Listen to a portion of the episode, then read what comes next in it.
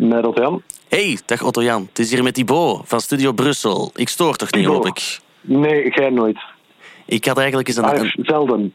Oké, dat, dat is al een geruststelling. Ik had eigenlijk een snelle vraag. Ik maak die podcast Thank You Boomer en onze vriend Stijn van der Voorde heeft mij gezegd dat jij een grote fan bent van Guns N' Roses. Eh, ja, in zekere zin is dat, is dat, is dat het geval, eh, Thibaut. Ja. ja. Het is niet ze getatoeëerd op mijn bovenarm, maar ik vind het wel echt een heel goede band. En is dat een optie dat je misschien eens zou langskomen om daarover te babbelen in de podcast? Eh, ja, als de agenda dat toelaat en als jij heel veel geld meelegt, dan kom ik het doen. Thank you, boomer.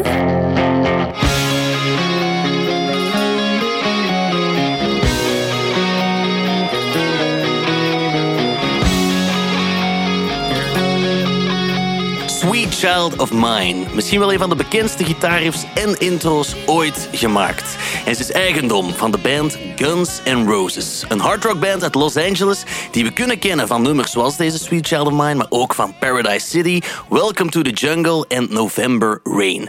Of je kan ze kennen door de hoeveelheid leer, de rokende en hoed- en zonnebrildragende gitarist Slash, of de foute bandana's, snerpende zang en gekke kuren van zanger Axel Rose. Of je kent ze door een rock'n'roll imago en de bijnaam die ze kregen in de jaren 80, The Most Dangerous Band in the World. We kennen de band allemaal, of nog niet goed genoeg, maar bepalen of ze tijdloos en ook echt The Most Dangerous zijn, dat doe ik niet alleen. Daarvoor heb ik hier bij mij in de studio radio- en televisiepresentator, DJ, frontman van de hitformatie Hair Baby en alleskunner eigenlijk, maar vooral muziekliefhebber, Otto-Jan Ham. Dankjewel. Dankjewel voor de intro. Graag gedaan. Hoe gaat het met jou? Goed, het gaat heel erg goed. Dankjewel. Ik eh, ben blij dat ik hier eh, zit. De mensen kunnen het niet zien, maar we zijn wegens verbouwingen in de Studio Brussel Studios. Zitten wij in de M&M Studio. Hip. Ik, ik heb En- net ook de uitleg moeten krijgen hoe hier alles werkt. Ja, dat is allemaal anders. Alles is hier, wordt bestuurd met bubblegum. Maar het is, het is wel cool, eh, want, want we kijken door ramen naar, naar superjonge mensen. Maar jij zit ook heel jong, hè, Thibaut. Mijn laatste levensjaar, het 27. 27 gegaan. gaat, het is it's a nice year to die. En eh, toch als je, als je leeft voor rock and roll, wat dat jij doet, Thibaut. maar daarom is het wel, wel tof zo. Wij worden nu eigenlijk, we zitten in een soort aquarium en we worden bekeken door heel jonge mensen die, die in de fleur van hun leven verkeren. En we gaan het hebben over eh, dinosaurussen eigenlijk. Maar Guns N' Roses, ik ga er meteen eh, als soort disclaimer meegeven dat het lang geduurd heeft voordat ik daar wel fan van werd. Toen ik zo oud als jij was, of eigenlijk nog jonger, dan, toen ik bij Studio Brussel begon bijvoorbeeld, toen liep ik daar ook wel in een wijde bocht omheen. Dat- De liefde is eigenlijk pas later echt, ehm, ja, hoe zou ik het zeggen, tot, tot volle wasdom gekomen. Zeker in, in eh, eh, Guns N' Roses is een band die, wat is het, halfweg jaren tachtig begonnen is. En, eind, eind jaren tachtig was dat gigantisch, begin jaren negentig. En, en toen ja, was ik zo op school, ik, ik zat meer in de, in de, in de eh, Pixies, Sonic Youth-achtige hoek. Eh, en, en ik vond het toen allemaal veel te bombastisch. En er was echt een duidelijke scheiding bij ons op school. Ah, ja, Je had, je had enerzijds de Jollies.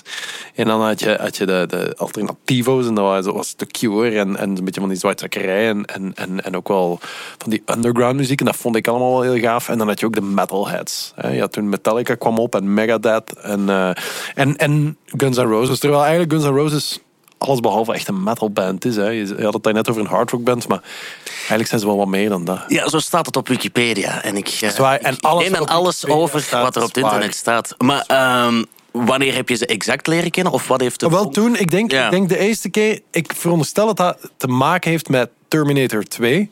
Ja. Terminator 2, wat de beste Terminator is die er ooit gemaakt is. een fantastische film. Met, eh, dat was echt een ongelofelijke film. En in die film zit een nummer van Guns N' Roses. Ik denk dat die, die film... dat, dat, dat die van 91 of zoiets zal zijn. Zoiets gok ik nu eventjes. En You Could Be Mine stond op die, op die eh, soundtrack. En die werd heel veel gedraaid toen door MTV. En vooral ook omdat Terminator 2 zo'n tot de verbeelding sprekende film was, die ik absoluut wou zien, heb ik die videoclip ook heel veel gezien. En in die videoclip zitten ook heel veel beelden van de film. En ik weet dat ik dat geweldig vond. En helemaal op het einde heb je zo... Ik weet niet of je die clip nog ergens voor je ziet, maar heb je zo Arnold Schwarzenegger, dus de Terminator, die staat dan aan de buitenkant van een club waar hij dus de hele tijd Guns N' Roses dat nummer heeft opgetreden. En die komen één per één buiten. En hij heeft natuurlijk met zijn cyborg eyes, kan, kan hij zien wie dat als zijn. Zo. En dan, dan eh, komen al die gasten van de groep komen, komen langs. Dat is eigenlijk echt fantastisch. Ehm, dus daar, daar heb ik ze toen leren kennen. En, en You Could Be Mine was zeker niet een nummer waar ik echt geweldig zot van was. Maar dat is later eigenlijk allemaal een, een, een beetje gekomen. Wel die, die, die platen leren kennen. En vroeger dacht ik misschien nog wel vaak dat het om guilty pleasures ging. Maar dan word ik ouder en wijzer en weet ik dat het, het ellendigste op de planeet is guilty pleasures, want dat bestaat natuurlijk niet. Ja? En, en, en ondertussen weet ik wel beter zo. Ik heb het, ik heb het wel helemaal omarmd. Ik- Oké. Ik, eh, ehm, ik hou wel van, van eh, bands die, ehm, die niet al te nederig zijn. En dat is nederigheid is het laatste wat je, wat je Guns N' Roses kan, eh, kan verwijten. Ik denk het ook. Eh, maar misschien moeten we beginnen om de mensen al te overtuigen of Guns N' Roses wel echt zo tijdloos of geniaal zijn met jouw favoriete nummer. Ik heb het jou ook gevraagd en dat was Don't Cry. Talk to me softly. There's something in your eyes. Don't hang your head in Van op het album Use Your Illusion 1 en 2 eigenlijk, want het staat op de beide albums, heb ik geleerd, uit Ja. 1991. We gaan er overheen praten. Over het, Ja, ik, ik trek het dan zo wat dicht. Ja, we Ah, ja, kunnen het niet helemaal aan Ah, zo. Ja, ja, oké. Maar mensen moeten het zeker gaan opzoeken. Ja, het is, het is eigenlijk het, ehm, het, is het allereerste nummer dat ze samen geschreven hebben. Dus eigenlijk, het staat op, op Use Your Illusion, inderdaad. Wat dan een beetje een magnum opus was. Of zeg je dat? Een, een, een grote meesterwerk, een dubbelplaat. Die, tenminste, twee afzonderlijke platen die op hetzelfde moment zijn uitgekomen. Wat toch vrij is, denk ik. En eh, het, was een, een, het was niet de grootste hit van die plaat, maar het was wel een grote hit. Maar eigenlijk was het het allereerste nummer dat ze zo halfweg jaren 80 als band hebben geschreven. Wat ik eigenlijk wel zot vond. Dat ze zo lang hebben gewacht om het ook echt op een plaat te zetten. Het is een fantastisch mooi nummer.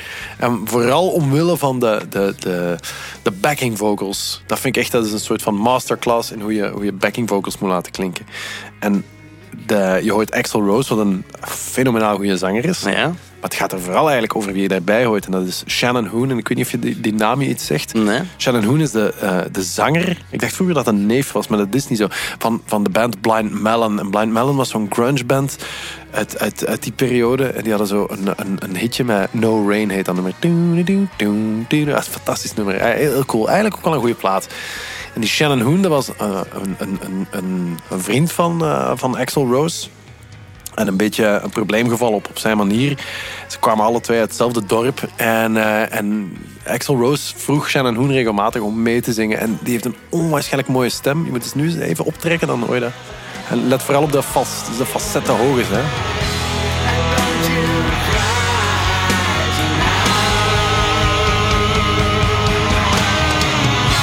In de videoclip, in de videoclip zie je die Shannon Hoon er ook bij staan. Dat is heel ingewikkeld, want mensen wisten ineens niet wie die, die andere gast dat daarbij staat. Echt zo'n grungy met zo'n lange... Shannon Hoon is ook heel tragisch. Die is ook, door, eh, ook op eh, jonge leeftijd gestorven aan de gevolgen van heroïne-overdosis. Eh, of is het of zelfmoord? Nee, ik denk heroïne. Dus het is ook echt zo'n ook zo'n 27-jarige... Ik weet niet of hij zelfs 27 is geworden. Ja. Maar het is eigenlijk precies Shannon Hoon dat het jouw favoriete Nee, nummer maakt? Ik vind, of- ik, vind, ik vind het echt een heel erg mooi nummer. Eh, het is ook zo'n nummer dat ik toen ik leerde gitaar spelen, dan kon dat perfect met, met Don't Cry, want dat zijn eenvoudige akkoorden. Geen barrés, gewoon open akkoorden, makkelijk, eh, makkelijk na te spelen. En, eh, en daarom, ik vind het echt een heel mooi nummer, maar ik, ik ben een sucker voor, voor backing vocals. Ik vind dat eigenlijk, dat, dat kan een nummer zoveel beter maken. En dit nummer vind ik dat echt, ja, nogmaals, als masterclass zo goed gedaan. En eh, ja, ik vind dat, dat, dat... En ook gewoon omdat het het eerste nummer is. Ik vind dat is zo'n onwaarschijnlijk nummer. Zo, zo, zo, dat is eigenlijk het nummer dat je als band op de piek van je, van je kunnen zou schrijven. Maar bij Guns N' Roses was het het eerste nummer dat ze schreven toen ze 20 jaar, 19, 20 jaar waren. dat, dat vind ik wel echt ongelooflijk dat je dan zo'n pompeuze meesterwerken schrijft. Ja, want het is wel een power ballad, zoals ze dan Yes. zeggen. Maar dat hebben ze niet altijd gemaakt. Ik zei er straks ook hard rock. Maar hoe zou jij de muziek van Guns N' Roses omschrijven? Want ik, ik lees verschillende dingen uiteraard. Guns N' Roses is de ultieme rock and roll band. Rock and roll. Ja. Want ik hoor dan ook hair metal, heavy metal. Het zijn veel termen die vallen, maar ik, ik ben ook niet zo de fan van alles onder parapluutjes steken. Maar toch, Nee, nee, maar zo, als, je, het- als je het een beetje overschouwt eigenlijk... en als je weet waar ze vandaan komen... ze komen bijvoorbeeld Duff McKagan, de, de bassist van, van Guns N' Roses... komt echt uit de, uit de punk scene. En eh, heeft echt bij, bij supercoole bands nog gespeeld. Met de Farts, dat moet je eens opzoeken. Dat was een van zijn... Dat is echt, echt mega cool. En het waren allemaal wel punkrockers. Ehm, eh, maar eh, dus hair metal doet ze een beetje te kort, omdat dan, dan, dan, dat, dat klinkt zo eh karikaturaal. En ze hadden natuurlijk gigantisch haren. En, en ze hadden inderdaad, wat je net zei, heel veel eh, leren broeken waar dat dan de kont uitgeknipt was. En, eh, en, en daar, daar hielden ze enorm van. Maar, maar ja, dan, ik weet niet, daar, daar, daar hangt zo een, iets, iets vaags en... en ehm, en plat aan als je aan hair metal denkt. En het is, veel meer dan dat eigenlijk. Ja. Het is heel bluesy vaak, maar het is heel... eh, En, en, en punkrock hoor je er ook wel in terug. En ze hebben natuurlijk best wel... de- Laten we zeggen dat hun, hun belangrijkste periode, halfweg jaren 80, halfweg, eh, halfweg jaren 90... eh, eh, maar, maar ze bestaan nog altijd en ze maken nog altijd muziek. En ondertussen ja, is, is, is, laten we zeggen, new metal was daar dan ineens. En, en al die invloeden zijn daar dan bijgekomen. Dus die hebben eigenlijk van alles eh, geabsorbeerd liever. Maar, maar in de fond is dat echt, is dat net zoals de Rolling Stones, echt, of, of, of ja, iets wat misschien wat dichter bij hen lag, Aerosmith of zoiets. Echt een rock and roll band. Een Ja. har- harde, gevaarlijke rock and roll band. Het is in ieder geval wel begonnen met twee andere bands, de LA Guns en Hollywood Rose. Dit is bijvoorbeeld Reckless Life van die band Hollywood Rose.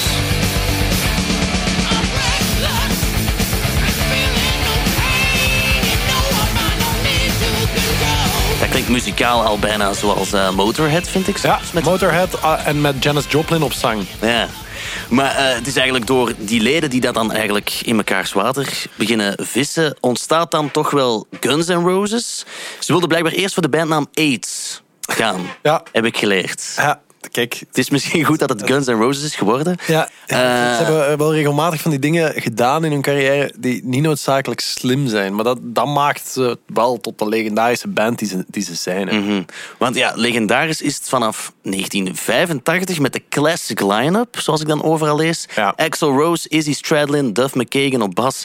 Slash dan, die ook nog bij die Hollywood Rose gespeeld had. En Steven Adler op drums. En ze spelen vooral in de clubs in Hollywood. De Troubadour en zo. En als ik Ja. niet vergis, ben jij daar ook geweest? Ik ben in de Troubadour ben ik nog geweest, ja. Met, met, met Stijn voor een, voor een programma, inderdaad. Daar, daar, want ik heb toen, en dat is eigenlijk stom. Ah, nee, dat is achteraf. Ik was er achteraf, ben ik nog eens daar in de buurt geweest voor een interview met Green Day. En toen was er zo'n kunstgalerij waar dan een heel grote foto hing van de jonge Guns N' Roses terwijl ze in de Troubadour speelden voor niet al te veel volk. En natuurlijk was ik niet kapitaalkrachtig genoeg om dat mee te nemen. En, maar ik heb daar ergens wel spijt van, want dat, dat, dat moet een onwaarschijnlijke tijd geweest zijn toen in Hollywood.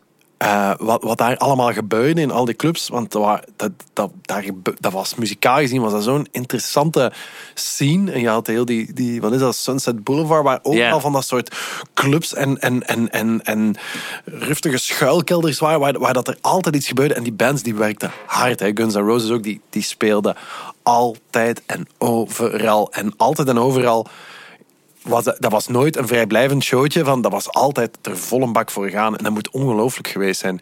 En de, de club waar ze het meeste uithingen was de Cat House. En dat is eigenlijk, daar bestaan ook eh, toffe podcasts over en mooie boeken. Dat is een, dat is een, een soort legendarische club in Hollywood. Eh, waar, waar zij eigenlijk zijn, zijn opgegroeid, bij wijze van spreken.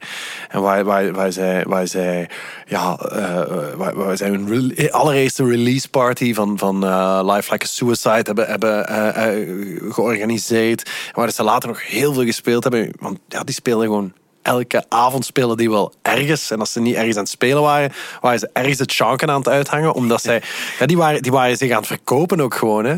En als je het over een cla- classic line-up hebt. We hadden het net voordat we begonnen, hadden we toevallig eventjes over Coldplay. En ik vind zo, het verschil tussen die twee bands kan niet groter zijn. In die zin, als je naar de, de, de line-up kijkt van Guns N' Roses, dat zijn de fucking Avengers.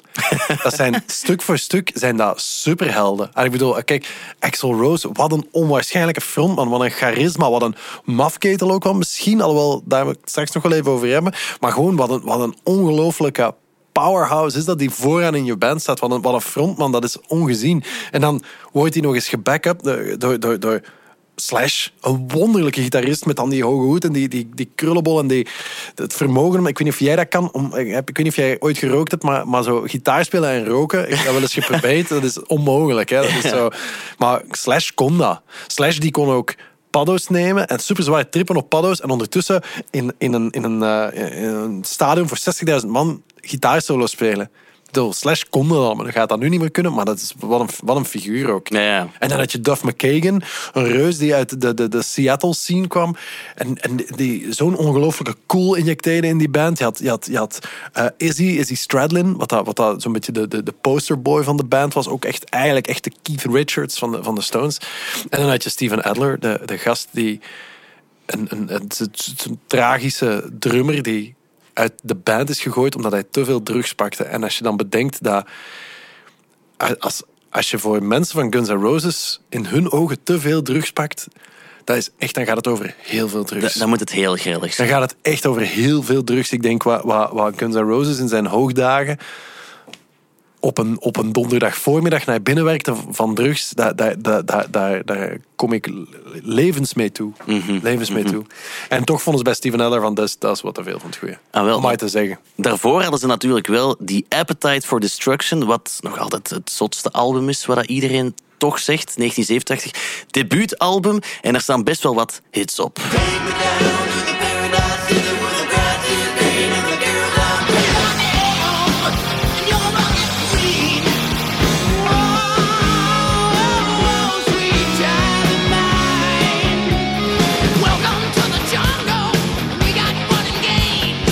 En dat is toch wel te danken aan een zekere Tom Zuto, of Zutout als ik het eh, probeer juist uit te spreken. Een gast van Geffen Records. Die had blijkbaar ook Metallica en Motley Crue al getekend. Maar die ziet een optreden van Guns N' Roses en die is meteen verkocht. Die tekenen op Geffen Records. Maar het is geen succes, het album, blijkbaar. Het heeft lang geduurd.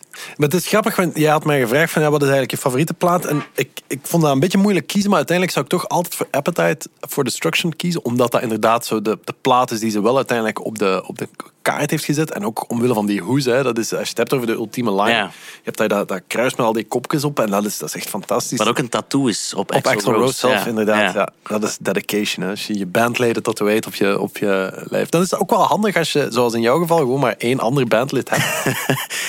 Ja, Dat ja. scheelt toch? Dat scheelt toch? Dat is, dat is min- minder groot. Minder pijnlijk ook ja, gewoon. Nee, maar, maar eh, het, het klopt wel. Het heeft, het heeft even geduurd voordat dat... Maar dat, ook dan wa- waren weer andere tijden. Hè. Tegenwoordig als je, eh, kan, kan muziek zich heel snel verspreiden. En vroeger was dat niet. Vroeger was dat echt een hearsay uit, uit, de, uit de straten van Hollywood. Zo hebben ze inderdaad die Tom Zooton hebben ze ooit naar, naar een optreden laten komen. Die was onmiddellijk verkocht. Want eigenlijk hadden ze daarvoor een, een EP'tje, die Life Like a Suicide. Wat eigenlijk, dan moet je echt eens naar luisteren. Dat is echt een heel coole plaat. Wat hebben die gedaan? Die, eh, die hebben, die hebben een, een, een nummer, een, of die hebben een, een zogenaamd een live EP opgenomen. Maar die hebben gewoon de, de- het publiek van een, van een of andere live-opname van iets anders gebruikt. En daar hebben ze de hele tijd onder hun songs gezet. Alsof dat ze dan live aan het spelen zijn voor duizenden mensen. Terwijl dat, dat niet het geval was. Wat eigenlijk ook wel super ballsy was. En, eh, en dat was, eigenlijk stond dat ook al op Geffen, maar dan op zo'n sublabel om het zo'n beetje te laten. Die gasten wisten wel ergens wat ze aan het doen waren. Maar ehm, die, eh, ik denk dat de eerste single uit Appetite, dat zal dan Welcome to the Jungle geweest zijn. En dat heeft wel heel lang geduurd voordat dat daadwerkelijk die gigantische hit is eh, geworden. En dat heeft alles te maken met het feit dat dat werd niet gedraaid. Ze hebben echt moeten smeken bij MTV op Ja, een gegeven moment. ja. Van, kan je dat niet af en toe s'nachts programmeren? En MTV heeft, heeft dat s'nachts één of twee keer geprogrammeerd. En toen is dat compleet ontploft. Want toen begon iedereen te bellen naar MTV. En zo ging dat toen.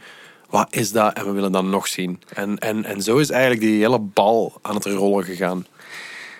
Ik had het hier ook klaarstaan dat eh, die Tom Zuto het zelf zegt. Ah, ja. Als jij het gezegd hebt, dan ga ik het hier eh, Ja, maar nee, laat het gewoon verwijderen. Ja, Ik heb, het ja, net, ja. ik heb het net verwijderd. Het is, het is beter Ja, maar dat jij het zegt. Het Ja, is maar beter het authentieker geweest mocht hij het gedaan hebben. Ja, maar toch. Het is, Maar het verhaal is inderdaad dat hij, hij, heeft, hij, heeft, hij had connecties daar of zoiets. En hij heeft echt gebeld naar MTV. Ja, hoe ik het- Smeek je. Ja, hoe ik, hoe ik het geleerd had, was dat Gavin had gezegd van ja, we gaan ze laten gaan, want de plaat verkoopt niet. En dat Ja. die Tom Zuto dan naar de baas van Gavin is gegaan en gezegd heeft van alsjeblieft, ik geloof hier zo hard in.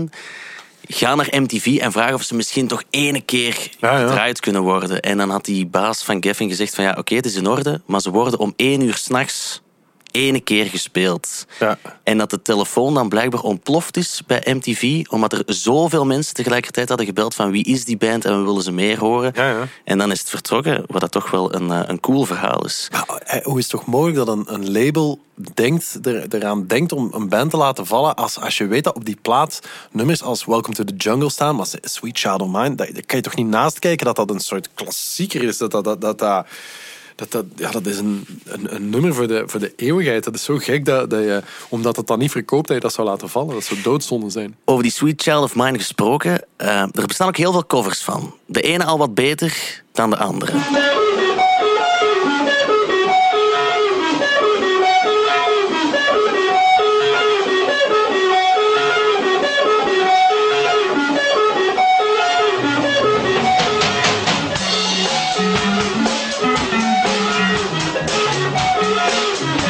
Maar zeggen, Het steekt nou. ja, eh, Steekt nou. het is toch iets moeilijker dan we denken. Maar Kan jij, kan jij het spelen? ik heb het eigenlijk nog nooit geprobeerd. Ah, het, is niet, ja, het is eigenlijk een soort hoog D-akkoord waar je op... op maar maar eh, ik kan het ook niet zo goed hoor. Maar ik vind, wel, ik vind het echt een ongelooflijk gave riff. Maar het wordt gemaakt inderdaad door die drum die invalt en dan die, die bas van, die- van die Duff McKagan. Ja. Doe, doe, doe, doe, doe, doe. En dat, dat wordt echt zo'n soort mooi, eh, mooi geheel. Dat is ongelooflijk hoe dat, dat- hoe dat, dat in elkaar valt allemaal. Ja, en het zou geschreven zijn geweest op vijf minuten Ja, het zou me niks verbazen. Sheryl Crow heeft er ooit een, vrij mooie versie van gemaakt. Gewoon akoestisch, eh, eh, wel een vrij mooie versie. Die, eh, daar herinner ik mij dat dat... Maar dat is, een ongelooflijk, goed nummer inderdaad. En dat was, als ik me niet... ver- ah ja, dus, dat, je, had, je had eerst Welcome to the Jungle, daar zijn ze mee begonnen. En dan daarna zo, was dat Sweet Child of Mine. Nogmaals, echt een on- onwaarschijnlijk goed nummer. Ja. Wel de doorbraak voor Guns N' Roses, eh, die Appetite for Destruction. In 1988 ligt er dan een tweede album klaar, Guns N' Roses Lies. Maar daar hangt vooral heel veel controverse rond. Ja, ja, sorry, ja. Ja, Daar ga je. eh, maar als, eh, zeg maar, zeg maar. Ik, ik moet gewoon wel zeggen, ik heb de research gedaan. En als ik dan kijk naar de Wikipedia, daar is niet alles van waar uiteraard. Maar de dingen die ik daar las, gingen eigenlijk niet over de muziek. Maar vooral over andere dingen, zoals bijvoorbeeld... One in a million veronderstel. Ja, One in a Million, een nummer waar Axl Rose het N-woord gebruikt en waar heel veel... Een faggot. Ja, en faggot, inderdaad. Eh, dat zeggen we nu in, in de context van het verhaal, uiteraard, die woorden. De albumcover, daar stonden nieuwsartikels op. Met bijvoorbeeld ook... Vrouwen slaan bestaat al meer dan 10.000 jaar. Ja. Daar hebben ze ook heel veel commentaar op gekregen. En het is ook de periode dat Axl Rose cameramannen en paparazzi begint aan te vallen. En zelfs, eh, heb ik hier ook klaarstaan... Tijdens een concert eh, dreigt om eh, ermee te stoppen. eh, in het voorprogramma van de Rolling Stones. En heel veel van die gasten hangen al serieus aan de drugs. En dan zegt Axl Rose tijdens een optreden dit.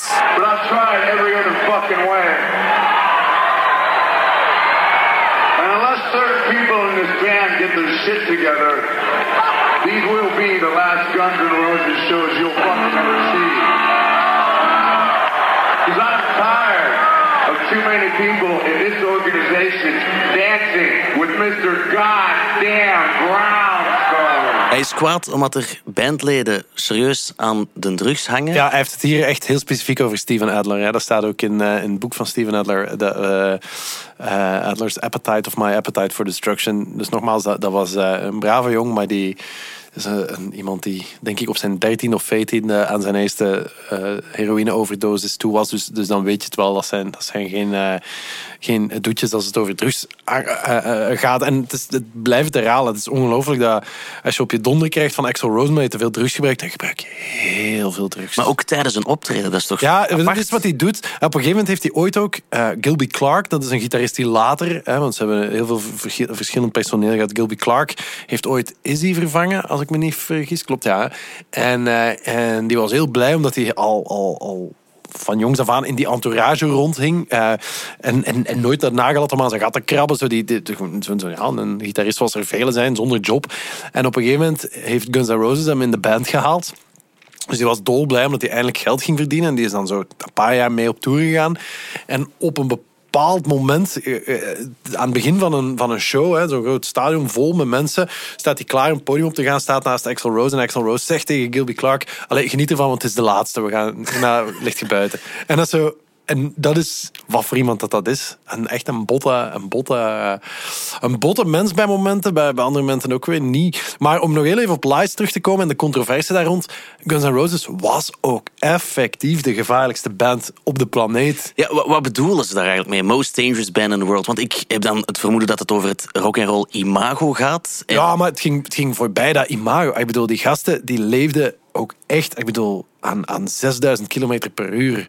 En, en vechtpartijen eh, waren schering en inslag. En, en, en eh, bedoel, dat, dat waren ook echt, echt geen doetjes. Dat zijn het nooit geweest. En dat waren het zeker toen ook absoluut niet. Dus, dat, dus, dus ja, bedoel, daar dat, daar dat grootspraak bij, uiteraard. Maar, maar deden het ook echt. Het is een fantastisch verhaal ook. Op een gegeven moment is... is ehm, ehm, gingen ze een videoclip liever opnemen in de Cat House. En de Cat House is dus die club waar ik het net over had. En dat was van, van eh, een nummer van, van Life Like a Suicide. Uh, ontgaat me nu even. En eh, in die club was, was David Bowie, die was daar. En David Bowie, die was daar op uitnodiging van Slash. Pas op, het veel informatie. Omdat de moeder van Slash nog een relatie had gehad met, met. Bowie. En, eh, en Bowie was, was, was super zat en wou mee op podium. En bovendien zat hij aan de vriendin van, eh, van Axel Rose. Erin, nog iets die in al die videoclips voorkomt. Everly, was dat niet de... Erin Everly. Ja, juist. ja. En, eh, en toen is, eh, heeft, heeft eh, eh, Axel Rose gedreigd van ik ga, ik ga je kapot maken, ik ga je vermoorden. En die is nog daar achteraan gekrost. En die zijn nog in een steeg zo. Is, is David Bowie moeten gaan rennen voor Axel Rose. Maar ik bedoel, oh, dan heb je het, als je het hebt over beef, dat is echt de, de ultieme beef op dat moment. Om maar te zeggen, die gasten die, die, die, die, die waren ook gewoon wel zo. Maar ja, zo'n nummer als One in a Million, dat was inderdaad, dat was, dat was, ehm, dat was toen veel over te doen. Toen al eigenlijk. En, eh, ehm, en de band zelf is daar altijd achteraf eh, nogal karig geweest om daarop terug te komen. Maar het feit was wel dat... dat ehm, we hadden het net al even over Queen. Zo in, in die periode had je, had je eh, het overlijden van Freddie Mercury aan AIDS. En, eh, en toen is Guns N' Roses, die hebben toen in die show in Wembley, die, die, die grote eh, tribute voor, Ja, voor, gaan we het nog eh, over hebben, AIDS sowieso. awareness. Ah, ja. Sorry, maar daar waren die. En, en eh, het feit dat zij daar waren, was natuurlijk wel het ultieme statement van.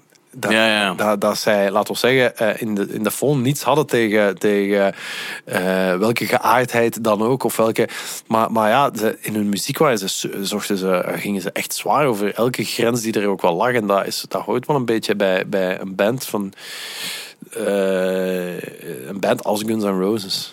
Maar Lies is ook niet echt een volwaardige plaat. Zo, hè. Dat, is een beetje, dat was een tussendoortje eigenlijk. Eh, het zou wel een paar heel goede nummers op. Maar eigenlijk was het de opmaat naar Use Your Illusion. Ah, wel. Eh, Steven Adler die wordt ontslagen en dan is er in 1991 Use Your Illusion 1 en 2, eigenlijk twee albums die tegelijkertijd uitkomen. Eh, Use Your Illusion 1, dat zijn ook al 16 nummers met onder andere Don't Cry, Live and Let Die, maar ook deze November Rain.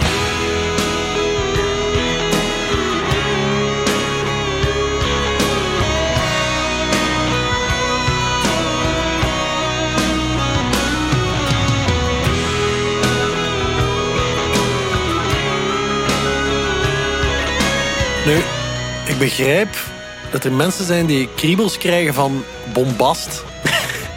Ja, dat is, Maar wat een song is dit toch?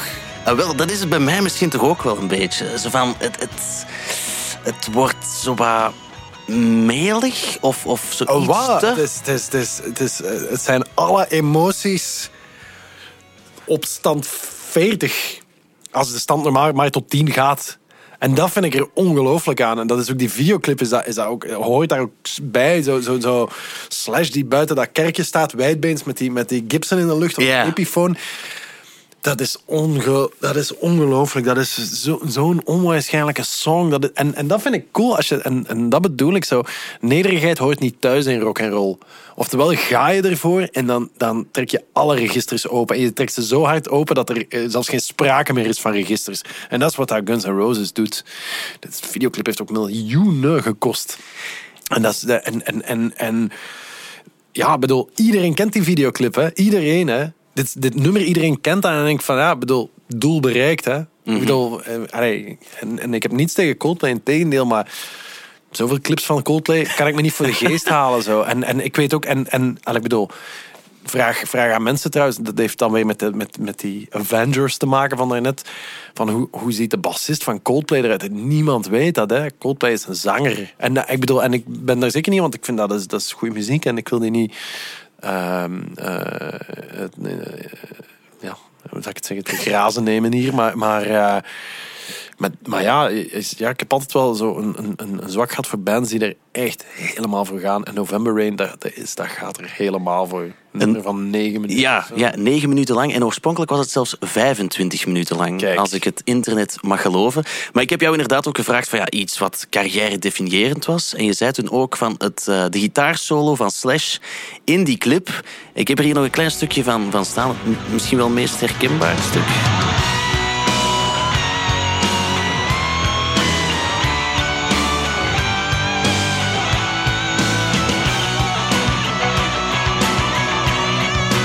Er gebeurt zoveel in die clip daar, hè. Dus je hebt net zo, je hebt de begrafenis, nee, eh, de, de, De trouwfeest trouw, gehad. En, eh, en, eh, en, en Slash die tijdens de dienst zeer respectloos naar buiten wandelt. Eh, om, om, en dat is van buiten is het, allee, zo van binnen is dat een gigantische kerk, maar als hij er buiten komt, is dat zo'n klein kapelletje in the middle of fucking nowhere. En daar gaat hij met, met die onwaarschijnlijke broek. Pas op, hè, Thibaut, ik heb nog zo'n broek gebeeld. Ik heb dat nooit gehad natuurlijk.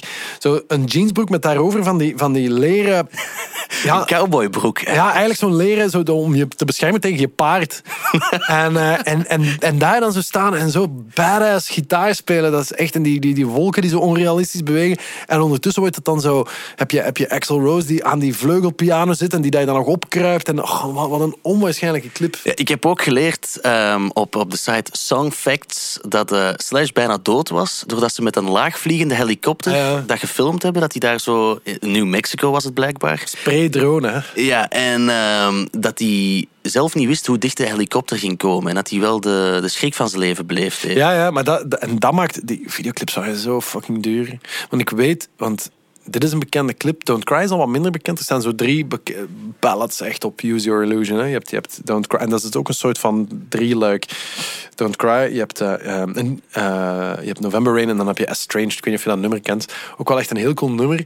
Ehm, en dat is eigenlijk zo het, het, het slotstuk, ook in die videoclips. En dat is echt de duurste clip dat ze ooit hebben gemaakt. En daar moet je eens naar kijken. De videoclip van Estranged is echt pure fucking waanzin. Ik kan gewoon zeggen hoe het eindigt. Het eindigt met Axel Rose, die met een dolfijn op schoot zit. Een echte dolfijn. Een echte. Ja, eh, om maar te zeggen zo. De, de, de- Axel Rose springt op een gegeven moment van een olietanker de zee in. En die wordt dan zo, je zwemt dan tussen dolfijnen. En op dat moment, verderop in de zee, komt eh, Slash... eh, Het is echt vrij slecht gedaan, maar dat is ook al bijna 30 jaar geleden of zoiets. Die komt dan ineens zo dat water uit en die, speelt, die soleert dan staand op de oceaan. En het is echt een fantastische videoclip. Maar daar, ja, laten we zeggen dat ze, dat ze misschien daar dat versnellingje te hoog zijn geschakeld. alhoewel, alhoewel, ja. Het is, ik, vind dat, ik vind dat cool dat je, dat je daar zoveel geld aan uitgeeft. Ehm, eh, ja, dat is, ik vraag me af hoe dat ze daar nu naar kijken, maar eh, ja, geweldig, geweldige song wel. Ze hebben het toch maar gedaan. Ze hebben het gedaan. En ook zo, want ik, blijf, ik weet het eigenlijk niet zo. Use Your Illusion 1 en 2 zijn dus, nogmaals, dat is geen dubbele album, zoals er wel veel gemaakt zijn. Dat zijn twee afzonderlijke cd's en je mocht zelf kiezen welke van de twee je kocht. En, en allee, ik bedoel, ik vond dat, dat, dat is ook zot eigenlijk, dat, dat ze dat... eh, ik, ik ken eigenlijk weinig, weinig voorbeelden van waar dat dan nog gebeurd is. Ik had het nog niet gezien, want ik Hè? was in, in het begin ook wel in de war van hè, welk album ben ik nu aan het beluisteren. En is dit dan de twee, is dat dan met de B-kantjes? Mhm. Ik was niet helemaal mee, maar op die tweede staat dan ook wel die eh, Knocking on eh, Heaven's Door bijvoorbeeld. Ja. Een, een bekende cover. Ehm, misschien nog even over de leren broek. Eh, onze vriend Stijn van der Voorde heeft me ook iets gezegd over een duimring bij jou. Ja, daar gaat hij over bezig blijven. Maar Stijn denkt nog altijd dat ik ooit een duimering gehad heb. Maar ik heb nooit een duimering gehad. En als ik dat wel had gehad, had ik dat zeker willen delen met iedereen. Want een duimring is badass. Alleen ik heb echt nooit een duim gehad in mijn leven. Even een duim wel, een ring. Dus niet aan mijn duim, niet aan mijn vinger. Dus, dus, dus ja, op een of andere manier wil hij, wil hij dat zaadje planten. En wil hij alweer de luisteraar van Studio Brussel van deze podcast tegen mij opzetten. Alsof het een, een ramp is om een duimring. Kom aan, dudes. Dat is, dat is- Het, het ding was wel, ik vroeg van ja, kijk, Otto Jan komt volgende week over Guns N' Roses praten. Ja. Waar moet ik het zeker over hebben? En het eerste wat hij zei was, ja, in die periode had Otto Jan een duimring. Duimring, ja. Ja. ja. ik weet het, hè. Dat in zijn hoofd zit dat. Dus wat, maar we weten wel eh, dat je een leren broek zoals Slash hebt gewild. Ik wou dat, echt waar, maar nooit eh, gehad. Ik wou ook van die botten, zo, zoals Arnold Schwarzenegger had in The Terminator. Miss- Misschien maar goed dat het er niet van gekomen Daar nog over, dus het, is, het schijnt is het zo dat Arnold Schwarzenegger ooit bij naar Axl Rose thuis is geweest. Of, of zelfs misschien in de studio bij Guns N' Roses om ze te overtuigen om een song te leveren voor de Terminator. Dus Arnold Schwarzenegger zelf heeft, dat, heeft die onderhandelingen gevoerd. Het is, het is, het, is Het gelukt. is gelukt ook. Ja. Dat vind ik ook wel een, cool, een, een, een coole petite histoire. Die Use Your Illusion Tour eh, zijn met die twee albums gaan toeren. En er is wel één voorval waar ik het kort misschien wel over wil hebben. Een optreden in St. Louis, waar een soort van rel ontstaat, omdat er geen camera's waren toegelaten. En er was dan toch een fan die een camera vast had. En Axl Rose die is het, ja, die heeft het podium verlaten. En hij zei van, het komt door de lame-ass security, waardoor er grote rellen uitbraken, braken, liever. En eh, dat de organisatie zelfs nog Axl Rose heeft aangeklaagd wegens het opruien van, van publiek. Ja. Ik heb daar beelden van gezien in een docu en dat zag er wel zeer grillig uit. Ja, ja. Dat is, dat is het ook, ja. ja die, die, maar en dat is ook niet, dat is geen alleenstaand geval. Hè. Die, die hebben daar regelmatig voor gezorgd. Dat is, dat is, ja, die band stond bekend omwille van het feit dat die, dat die regelmatig een, een optreden eh, vroegtijdig afbraken. En echt na twee songs of zoiets. Dat die standaard veel te laat begonnen. En we hebben dat op Pukkelpop ook meegemaakt, maar dat was vroeger ook al. Ook als die, als die, als die ergens in het voorprogramma van de Stones of van Aerosmith, van wat dat toen echt heel grote namen waren, en nog altijd, maar, maar toen was dat gigantisch dat zij daarvoor openden. En dan nog was Axl Rose soms was er iets wat hem niet zinde en, en speelde hij gewoon niet. En, en met alle gevolgen van dien, hè, want je hebt dit. eh, maar ik, ik, hè, je, je hebt, dat is niet de tour met Metallica waar je het nu over hebt. Hè? Nee, die, die komt daar meteen nader. Daar wou ik het ook zeker over Ja, hebben. maar, maar want daar zijn ook eh, rellen uitgebroken. En, en, en, eh, want ik, ik weet niet in St. Louis of dat daar ook doden gevallen zijn, maar dat, dat, dat, dat zou zomaar kunnen. Ja, als je zo'n gigantische massa's, je hebt het nu over, over een hele tijd geleden, toen dat, de, de, de festivals of de grote concerten nog niet zo veilig waren dan, dan nu in België tegenwoordig. Ja, als je zoiets, zo, zo'n grapjes begint uit te, uit te steken, ja, dan, dan, dan loopt dat fout. En dan raken mensen vertrappeld en weet ik veel wat. Maar ook daarmee, dat, dat, dat zat wel in dat imago van de gevaarlijkste... Dat was ook letterlijk de gevaarlijkste band ter wereld. Hè? Als je naar een show van Guns N' Roses ging, maak maar dat je thuis komt. ja. Dat was eigenlijk ook echt wel, wat dat betreft, ehm, kreeg je waar je voor kwam. Dat is gek om te zeggen, maar, maar, maar dat, dat was zo. Dat, en, en dus die tour, dat is, eigenlijk zot dat ze dat gedaan hebben op een gegeven moment. Hè, dus Use Your Illusion Master, wat dat, wat dat waarschijnlijk de belangrijkste harde rock en roll plaat was door een van de grootste bands op de planeet op dat moment. En tegelijk had Metallica, die andere mega harde band, die we gerust een metal band mogen noemen, die hadden de Black Album uit, ook hun grote doorbraak. En om een of andere reden zijn die twee bands samen gaan toeren, wat dat heel, heel bizar is. Want als je nu twee figuren niet samen in een kamer kunt zetten, dan is het Axl Rose en James Hetfield. Dat zijn mekaars polar opposites. En, en, en zoals ik het begrepen heb, was zo Lars Ulrich, de drummer van Metallica, die was grote fan van, van Guns N' Roses. En die, die, die vond, dat, vond dat super graaf. Maar ja, voor de rest, zo Axl Rose en, en, en James dat, dat boterde totaal niet. Ik denk niet dat die elkaar ooit een, een blik gegund hebben tijdens heel die tour. En daar was ook de vraag van, ja, dit zijn alle twee zo'n gigantisch grote bands. Wie moet er hier beginnen voor wie? En dan uiteindelijk was, en dat is heel erg slim, hebben ze gezegd van, oké, eh, Metallica gaat beginnen, omdat je toch weet, Guns N' Roses, Guns N' Roses begint nooit op tijd. Dus dan kan je maar beter gewoon de eerste band zijn. Ja, ja. Dan ligt het al niet meer aan jou. En, en eh, want ja, ik had gevraagd voor iets carrière definiërend. Je hebt die gitaarsolo van Slash en je zei dan ook die tour met Metallica. Ah, omdat dat- die zo verschillen van elkaar? Ik vond dat zo ongelooflijk dat die twee bands ooit samen getoerd hebben. Ik bedoel, dat, dat is, je kan je dat bijna niet meer voorstellen. Zo. Dat is hetzelfde als... de- Er is, er is een moment geweest dat, dat eh, de Peppers eh, Blood Sugar, eh weet dat, Blood Sugar Sex Magic uitbrachten, die plaat. Toen hebben die getoerd met drie voorprogramma's. En die drie voorprogramma's waren Pearl Jam, Smashing Pumpkins en Nirvana. Ja. Stel je voor, dat waren de tijden toen. Dat is ongelooflijk.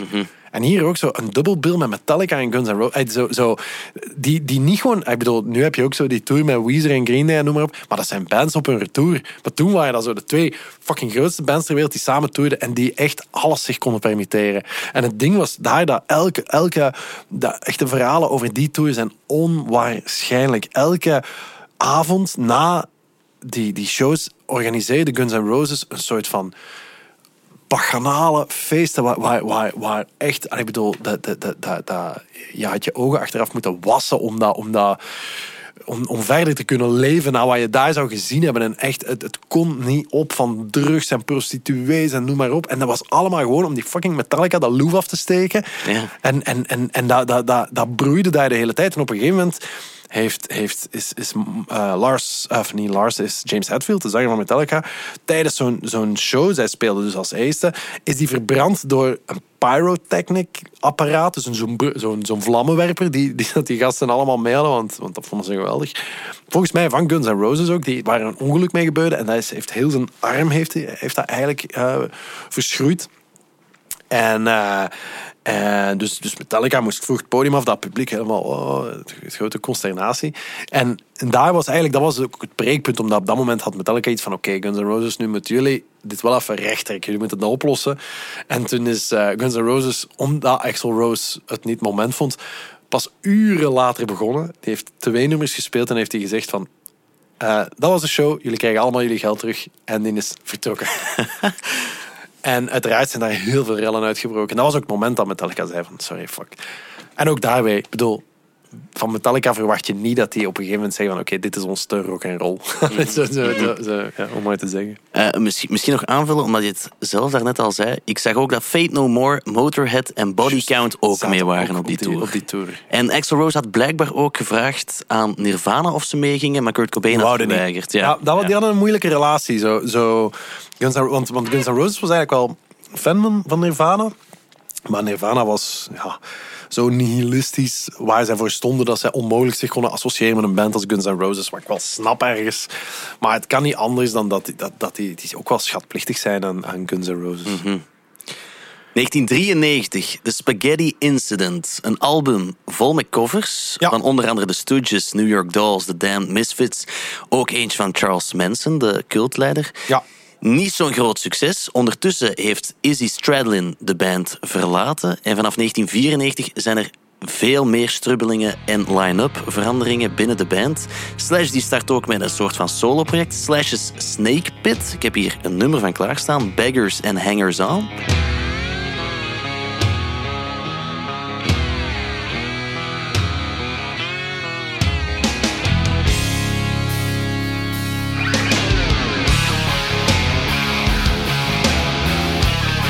Cool inderdaad. Maar, ja, weet je wat het is? Je kent de uitdrukking dat het geheel altijd meer is dan de som der delen. En hier zie je dat wel. Zo, dat kan een ongelofelijke gitarist en charismatisch figuur zijn. Maar ik heb hem wel eens live gezien met, met andere projecten.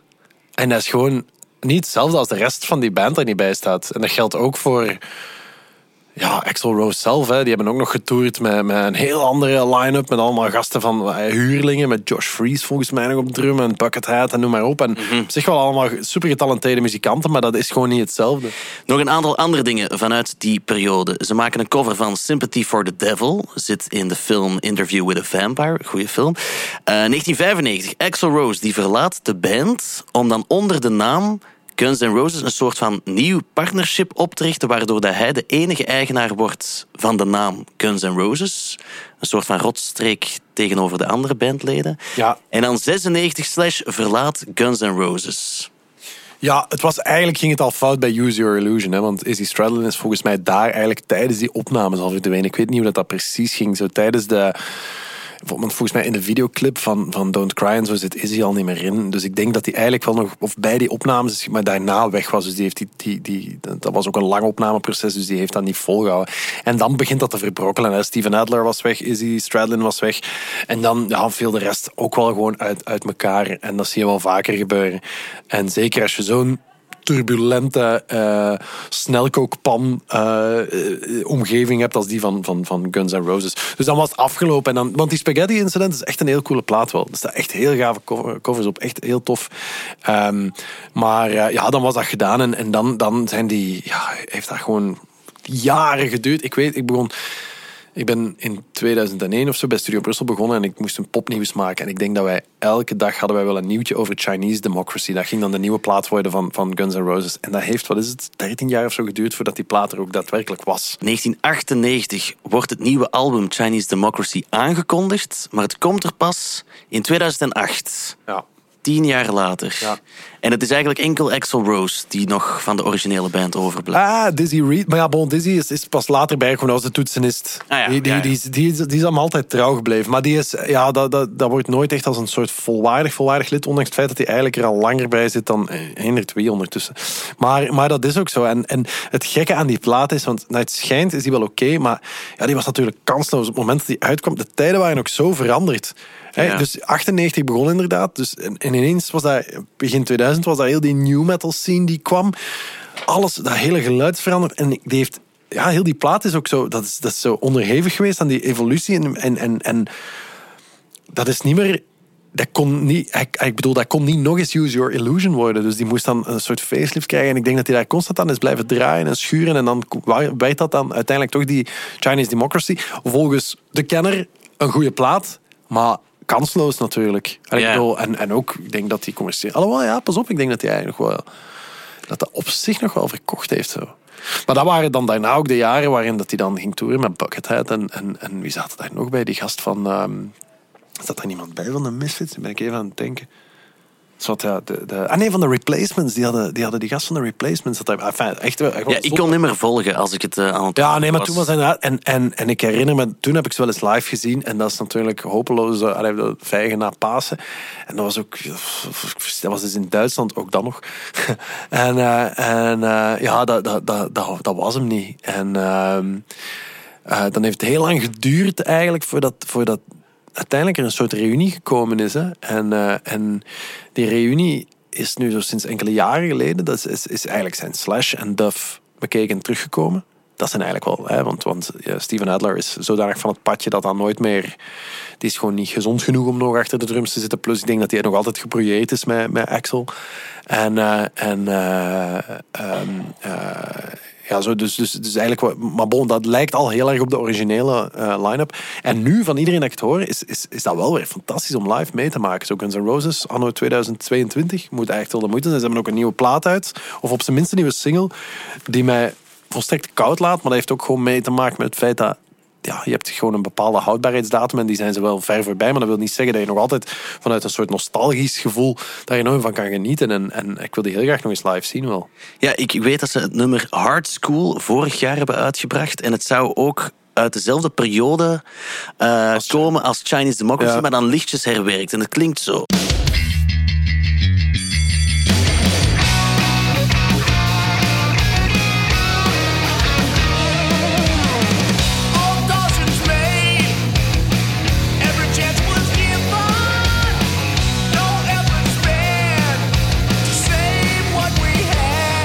Sorry, dat klinkt misschien wel wat gedateerd. Ja. maar Killer riff, hè? Ja, toch? Wat zou al? Ik vind dit zo, ja... Het doet me niks. Ja, maar jij hebt ook geen gevoelens. eh. Jij speelt in een garage rockband. Dat is waar, Alles dat wat, is waar. wat er, dat een beetje ruikt naar productie vinden jullie, vinden jullie niet fijn. Maar, maar, maar nee, ja, ik, dat is een fantastische riff. En je, je hoort hier ook wel echt zo die metaalklinkende kornachtige ba- bassen. Want dat waren, Ja, ja, dat waren hun referenties ineens geworden. Zo, hè. Eh, maar, eh, maar, maar ja, nog altijd ook supergoed bij stem. Maar het, is, het, is, het, is- het hoeft niet meer. Hè. Ze hebben hun platen gemaakt. Ik bedoel, ze, ze hebben Appetite for Destruction is gemaakt. En eigenlijk, eender welke band die zo'n plaat maakt, die hoeft voor de rest van zijn leven eigenlijk niks mee te doen. Ik bedoel, Billie Eilish hoeft eigenlijk na die ene plaat ook nooit meer iets te doen. Die heeft echt een, onwaarschijnlijke plaat gemaakt. En alles daarbovenop is een beetje ja, eh, eh, over, overbodig gewoon geworden. En gaat misschien alleen maar afbreuk doen. Alhoewel, op een bepaald moment is, is, heb je zo'n status bereikt dat het eigenlijk er niet meer toe doet. En dat is bij Guns N' Roses nu het geval. Eh, die Axel Rose heeft intussen tijd ook wel bij ACDC gezongen. Ja, Wat vond je daarvan? Wel, ik vond dat eh, verrassend, maar tegelijkertijd vond ik daar, ehm, ik heb daar beelden van gezien, en daarin zie je dat dat niet de grote mafketel is en de grote diva waarvoor dat hij altijd versleten is. Omdat uiteindelijk de rol die hij daar speelt is echt een van een, een, een, een, een zeer. eh, een, een, een, ja, hoe zeg je dat? Als een, als, een, als een huurling. Hij weet ook, ik ben niet Brian Jones. Ik ben eh, Brian Johnson. Nee, eh weet je nou? Ja, Brian Jones. Zwat, doet er niet toe. Ik ben niet de zanger van ACDC. Ik ben iemand die hem eh, een, een dienst bewijst. En hij had toen ook volgens mij zijn been gebroken. Dus hij zat ook nog eens in, een- in een soort van, op een soort van troon. Maar hij zingt daar keigoed. niks van streken. Hij, hij, hij weet waarom dat hij daar zit en hij doet dat fantastisch. En toen dacht ik van, maar ja, dat is, dat is gewoon... Ik denk, het grote misverstand bij, bij, bij Axl Rose is dat dat, dat, dat een zot was. En ik denk dat hij effectief wel, wel mentaal gezien wel wat probleempjes had. Maar ik denk dat dat in de eerste plaats gewoon een ongelooflijke perfectionist was. Die pas het podium opging als hij dacht van oké, nu, nu staan alle sterren goed en nu kan ik die performance gaan neerzetten. Ja, ik heb ook wel wat dingen opgezocht, omdat eerlijk gezegd was het vooral die zang die mij soms wat tegenstak bij Guns N' Roses. Maar ik heb dan zo wat opzoekingswerk gedaan van Axl Rose voice range en zo van die zoektermen. En dan kwam ik wel bij een aantal dingen terecht die ik ook nog eens aan jou wilde laten horen. Dit is bijvoorbeeld Axl Rose zijn zangpartij in There Was a Time.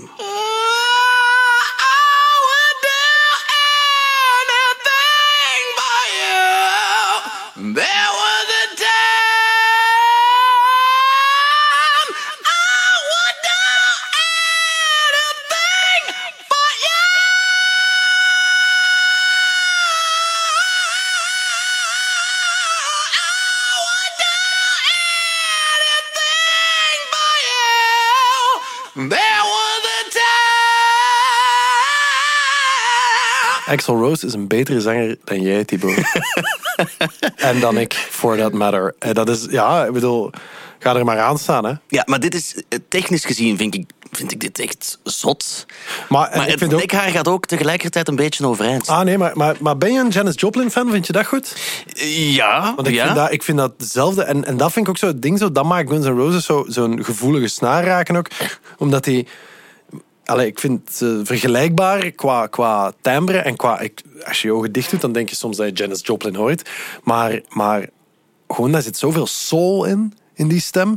En dat, wat dat betreft, ik bedoel, als, vergelijk dat nu eens met James Hetfield, eh, dat we het net over Metallica gehad hebben. Wat overigens, en dat is niet erg, hè, maar dat is een zeer beperkte zanger.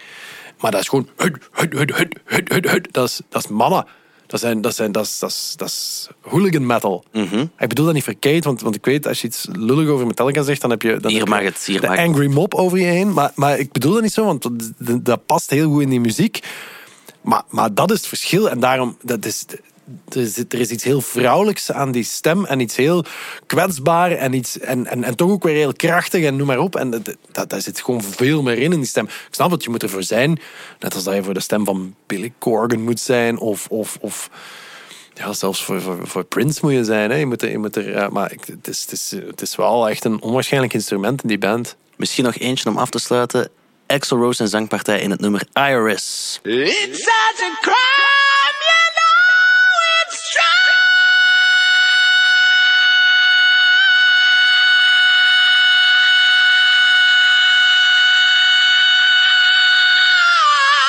Ik heb ook eens een aantal luisteraars gecontacteerd met de vraag: wat vinden jullie van Guns N' Roses? En het is een soort van klein intermezzo, maar ik heb een aantal reacties gesprokkeld. Guns N' Roses is voor mij nasaal gejank. En eh, ik zet het stevast, zet ik het ofwel af ofwel eh zap ik een paar minuten aan een andere zender, maar ik kan het gewoon niet horen. Die muziek vind ik wel oké, maar die stem eh, vind ik verschrikkelijk. Guns N' Roses eh, is voor mij echt eh, de reinste kutzooi. Was het dat? dat was het. Ja, zo zie je maar. Eh, smaken, eh, smaken verschillen. En eh, ik kan daar, eh, ik vind dat heerlijk dat mensen dat zeggen. ik kan me daar echt, eh, dat is, enfin, die, die gaan het licht ook nog wel zien. Of niet, het maakt niet uit. Vind je zelf eigenlijk alles even goed van Guns N' Roses? Nee, maar ik vind van geen enkele band alles goed.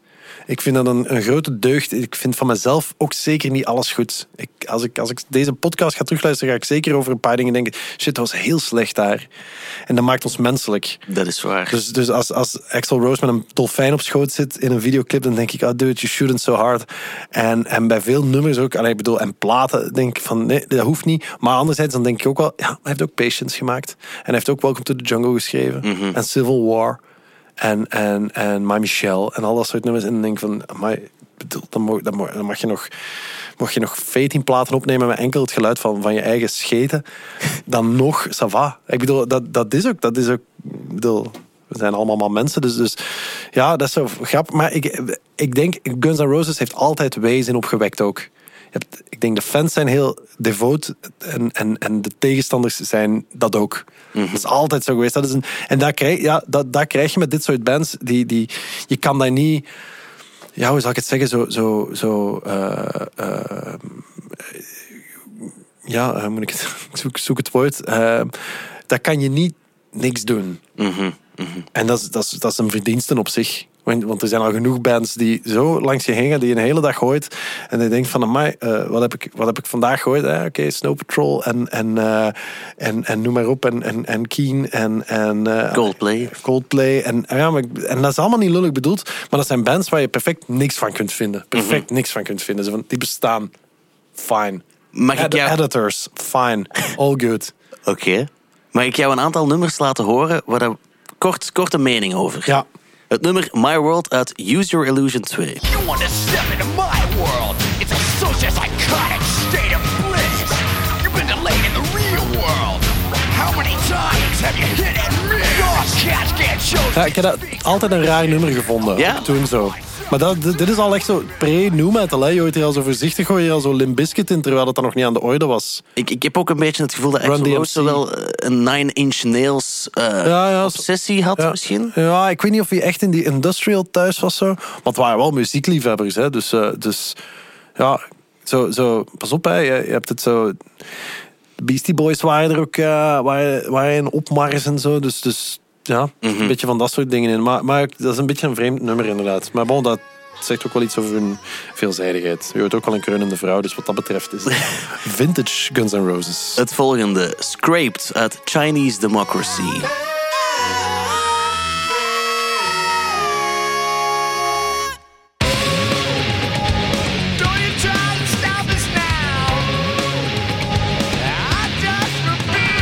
Dit is een nummer van een band die veel te veel tijd in de opnames van een plaat steekt. Wat krijg je dan? Ja, ik dacht, dit is, dit is zoveel door elkaar. Dit wordt gewoon een beetje te moeilijk op een of andere manier. Ja, maar dat is zo. En nogmaals, als je veel tijd hebt, dan wordt iets eh, jazz en hogere wiskunde. Terwijl eigenlijk eh, had hij dat gewoon op zijn piano. Ik denk als hij dat allemaal herleidt tot de song. Dat, het is een heel goede songschrijver en, en, en tekstschrijver. Oké, we zullen verder gaan met de podcast. En dan gaan we naar de lyrics. Want ja, een tijdloze band die moet ook goede lyrics kunnen voorleggen. En ik heb jou gevraagd voor jouw favoriete lyrics. En die komen uit het nummer You Could Be Mine.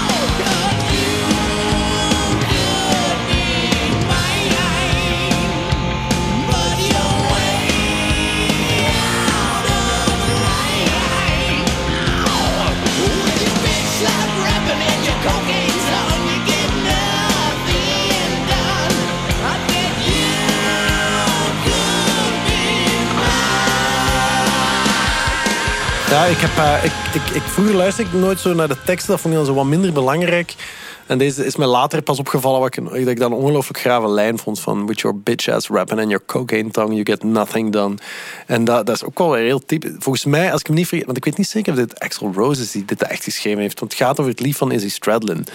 Eh, maar zwart, doet er niet toe. Maar, maar het, het, is, het zegt ook weer, die gasten dat waren harde werkers. Hè? En, en ondanks het feit dat die ook heel hard feesten en echt mazeringswaardig zwaar, tegelijkertijd hadden die ook iets van, er moet gewerkt worden. En, en, en ja, ik vind dat, vind dat gewoon dat een cool statement. With your bitch ass rapping and your cocaine tongue, you get nothing done. Gewoon coole tekst, meer moet dat niet zijn. Mij moet dat niet zijn. Ik heb hier nog een aantal andere teksten klaarstaan. Bijvoorbeeld het nummer Get in the Ring, wat een soort van diss track was naar de muziekcritici die nogal commentaar hadden.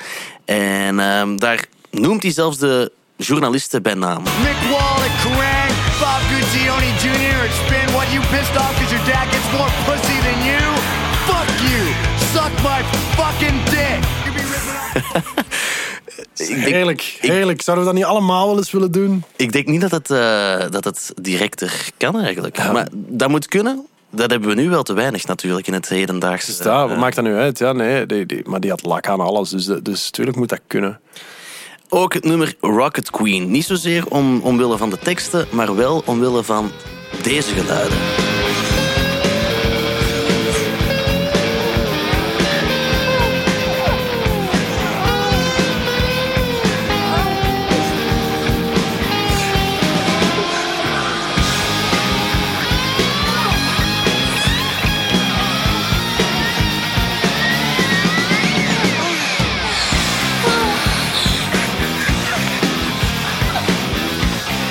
We horen gekreun. En Ja, ja. het zou echt gekreun zijn. Het is, ja, dus dat weet ik wel. Want nu ben ik ineens, ah shit, dat, dat had ik moeten, wie het ook alweer is. Maar het is, ik weet wel dat het echt gekreun, gekreun is. En volgens mij is het een vogelpartij die plaatsvond in de studio. En dat ze dat gewoon ook hebben opgenomen. En als ik me niet vergis, maar nu wil ik mijn hand daar niet helemaal voor in het vuur steken. Maar ik denk dat Axel is die aan het poepen is. Maar niet noodzakelijk met zijn eigen vriendin. Ik geloof dat het met lief was van Izzy op dat moment. Ja, ik, ik had begrepen het lief van drummer Steven Adler. Dat zou logischer zijn, want hij had echt eh, eh, nul respect voor Steven Adler. dus, dus inderdaad, eh, want met Izzy was hij wel in zekere mate bevriend. Dus het is inderdaad logischer dat het met Steven Adler was. En Steven Adler was dan weer de dude die zoiets had van... Oh, maar natuurlijk, Axel, ik snap dat ook wel. Je bent de zanger van de band. Maar het is, het is een meerwaarde dat dan op een nummer moet staan. Een, een We praten er nu toch over? Dat is waar, er dat is waar, over? dat is waar. Zoveel jaar erna. Ik heb ook nog een, het iets minder bekende nummer in de VRT-aankoopdienst vond het ook niet, dus ik heb het van het internet moeten rippen. Het nummer It Tastes Good, Don't It.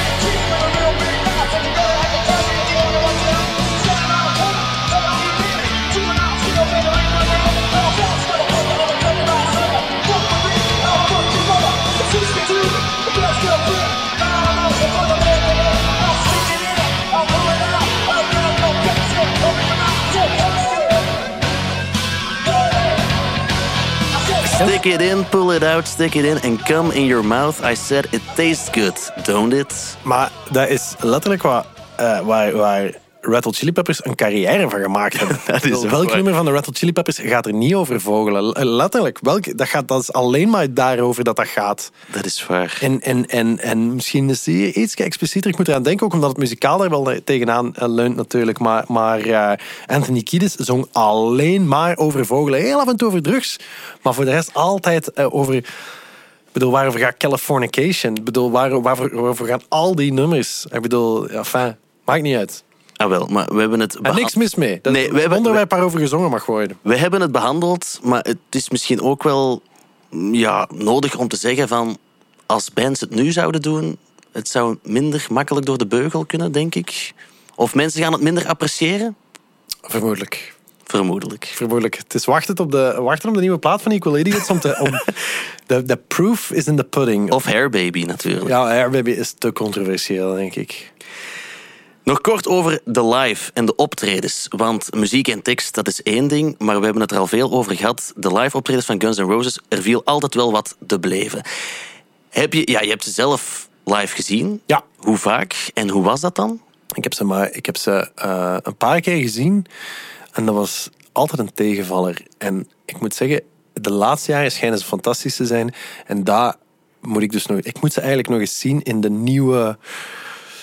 eh, in de, de hergroepering die ze nu zijn. Ja. Ik heb ze altijd gezien in een... In een ja, dus wat dat betreft is, is mijn timing extreem slecht geweest. Ik heb ze nooit gezien tijdens hun hoogdagen, omdat ik dan wat te jong was.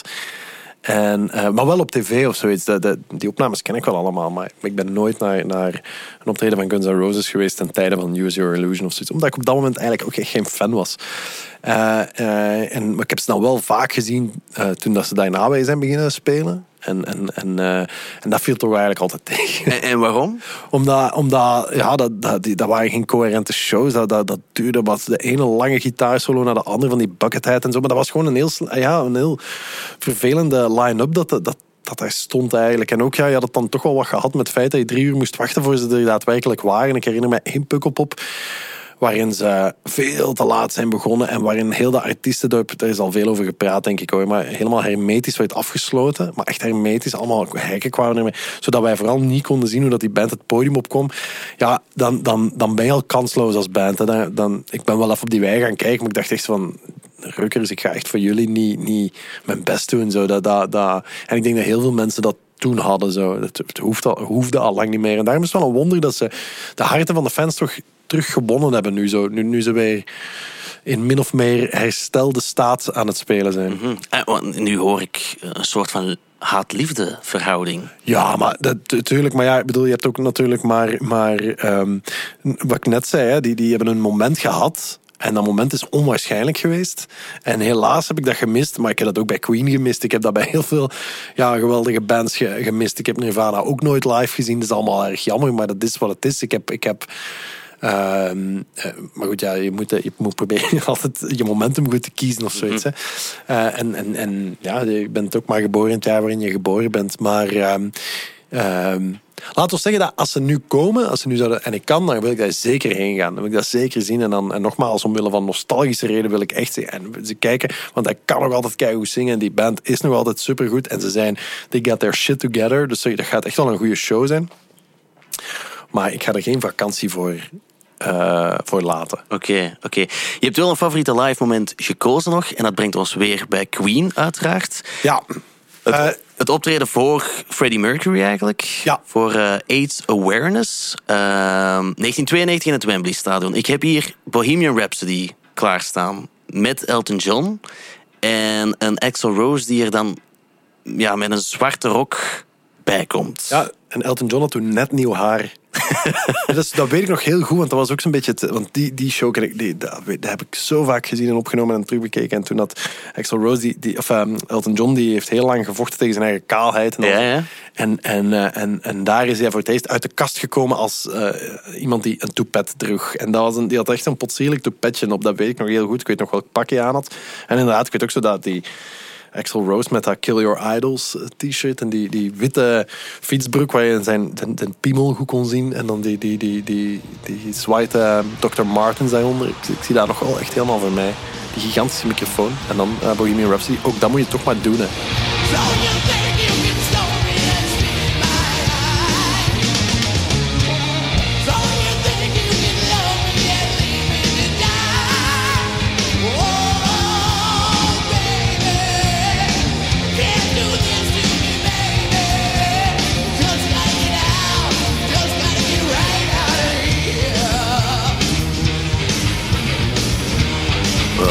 Wat, vond Queen eigenlijk zelf van Guns N' Roses? Want ik weet dat Brian May ook verschillende keren heeft samengewerkt met Axl Rose bijvoorbeeld. En Brian May heeft nog het voorprogramma ook van Guns N' Roses gedaan. Met zij, dus toen Queen afgelopen, eh, toen had Brian May zo die, die... Ik weet niet, heette dat gewoon Brian May? Of had dat... Ja, gewoon Brian May. Die is nog mee op tour gegaan met Guns N' Roses. Maar ik weet 100% zeker dat Freddie Mercury dit geweldig had. Ja, toch? Geweldig. Geweldig. Omwille van, van ja, Freddie Mercury was geen haar beter eigenlijk, hè, maar was zo wel wat gedistingeerder, zo, hè, wat chiquer. Maar, maar hij was van binnen ook even verdorven natuurlijk en, en, en, en zot getalenteerd. Wellicht ook nog wel iets meer. Maar nee, die gaat dan ook. En zeker qua vocal performance, ook als je dat nu hoort. Allee, dat lijkt. Ik, ik snap dat mensen dat irritant vinden, omdat dat je dat niet ligt. Maar dat is echt heel goed gezongen. Wembley is niet gemakkelijk, denk ik. Nee, nee.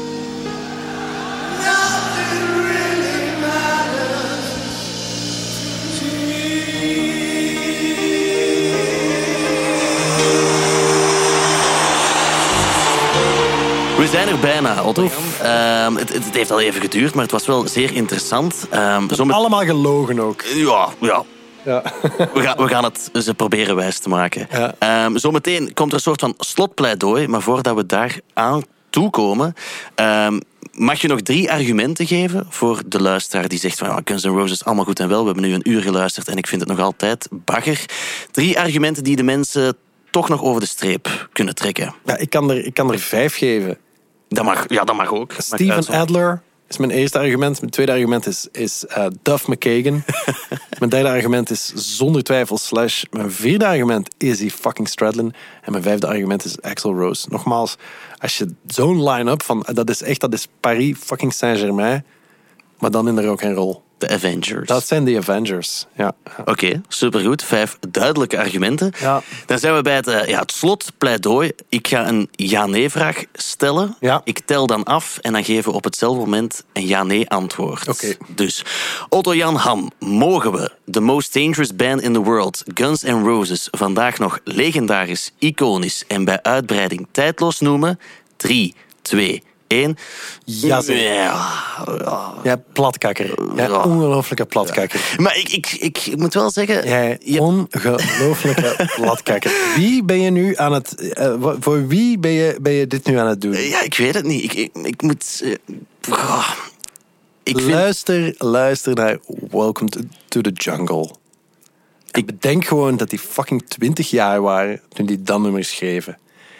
Dat die, dat die in kraakpanden woonden en dat die zo'n onwaarschijnlijke song schreven terwijl dat die die, dat, dat, is niet, dat, dat waren geen rich kids. Alles behalve. Die hadden een rugzak met, een bak stront daarin.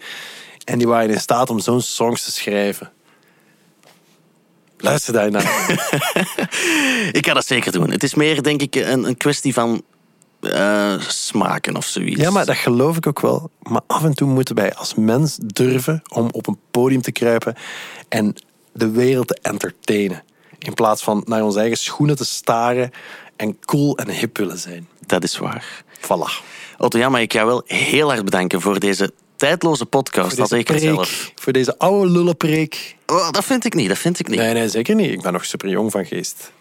Heel erg bedankt om langs te komen, Otto Jan. Graag gedaan. Check ook onze andere podcasts, zoals de Popcast van de Week, waarin Stijn van de Voorde elke week zijn licht laat schijnen over het muzieknieuws. Nu via de 14 Nu-app.